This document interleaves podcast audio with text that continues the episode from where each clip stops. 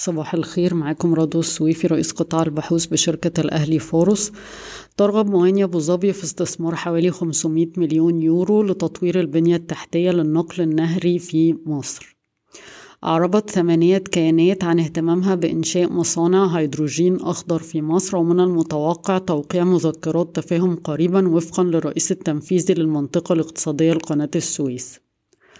تبحث الهيئة العامة للمناطق الحرة والاستثمار جافي في طلبات الحصول على تراخيص ذهبية مقدمة من 40 شركة. تدرس هيئة التنمية الصناعية حاليا حوالي 500 طلب للحصول على أراضي صناعية من مستثمرين أجانب ومحليين. اكتسبت خطة الحكومة لاستيراد سيارات 307 مليون دولار أمريكي منذ إطلاقها في نوفمبر مقارنة مع هدف الوزارة البالغ 2.5 مليار دولار. وقع كونسورتيوم إماراتي مذكرة تفاهم مع الهيئة العامة للاستثمار والمناطق الحرة لإنشاء مركز مالي دولي في العاصمة الإدارية الجديدة.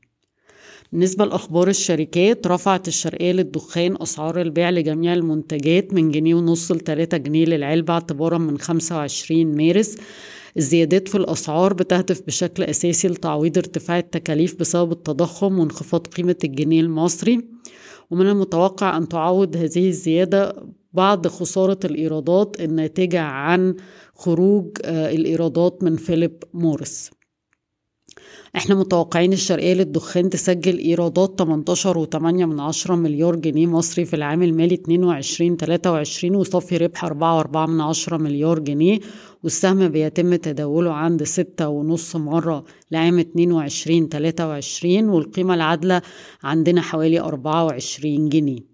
تخطط الحكومة لرفع دعم الصادرات ل 28 ل 30 مليار جنيه في العام المالي 23 24 من 8 مليار جنيه في العام المالي 22 23 البرنامج مدته 3 سنين وبموجب البرنامج دعم الصادرات هيكون 8% من قيمة الصادرات. وهيحصل المصدرون على المدفوعات في خلال ثلاثة أشهر من تقديم الأوراق المطلوبة. بفكركم النساجون الشرقيون ودايس هما المستفيدين الرئيسيين من البرنامج ده. قررت دايس تعديل سعر وحجم برنامج إعادة شراء أسهم الخزينة.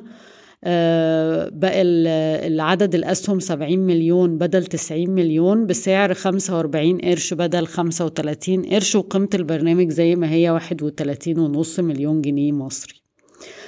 المشرعون في مصر بيدعو الحكومة إلى فرض ضوابط على أسعار مواد البناء الصلب والأسمنت وصلت لارتفاع في الأسعار وطالبوا الحكومة بإعادة النظر في رسوم مكافحة الإغراق اللي بتفرضها الحكومة على المنتجين دول في محاولة لتهدية الأسعار. في خبر إن انخفاض المخزون العالمي من النحاس وانتعاش الطلب الصيني على المعدن قد يؤدي لارتفاع سعره ل 12 ألف دولار أمريكي للطن مقارنة ب 8000 تقريبا دلوقتي.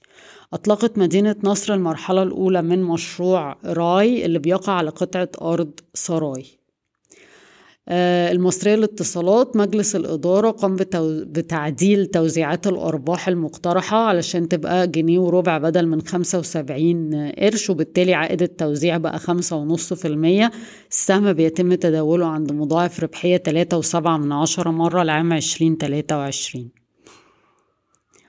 بلغت قيمة المعاملات من خلال انستا باي ل 113 مليار جنيه تقريبا في عام 2022 بنك البركة يعتزم الاستحواذ على أسهم عددها غير معلن في شركة تالي التابعة لبنك القاهرة وهي شركة مدفوعات رقمية.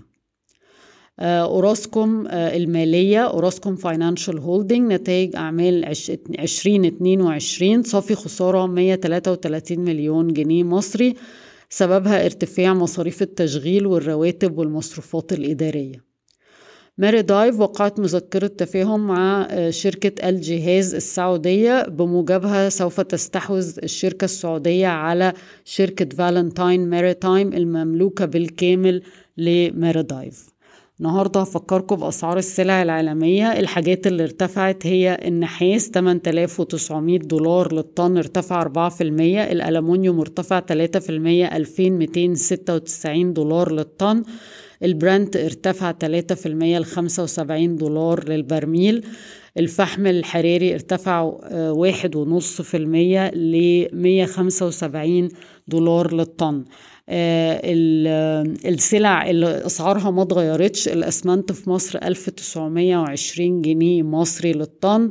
الفرق بين الديزل وال heavy fuel oil 412 دولار للطن. البولي ايثيلين 1150 دولار للطن. اليوريا في مصر 378 دولار للطن.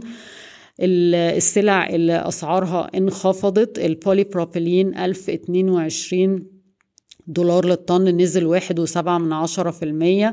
الفرق بين أسعار الحديد وخام الحديد ربعمية تسعة وتمانين دولار للطن نزل اتنين في المية. أسعار اللبن البودرة نزل تلاتة في المية تمانية وأربعين دولار للطن. زيت النخيل نازل تسعة في المية لتمنمية وعشرين دولار للطن. وطبعا أسعار اللبن البودرة وزيت النخيل اللي نازلين كويسين جدا لمنتجي الجبنة ومنتجي الألبان. بشكركم ويوم سعيد.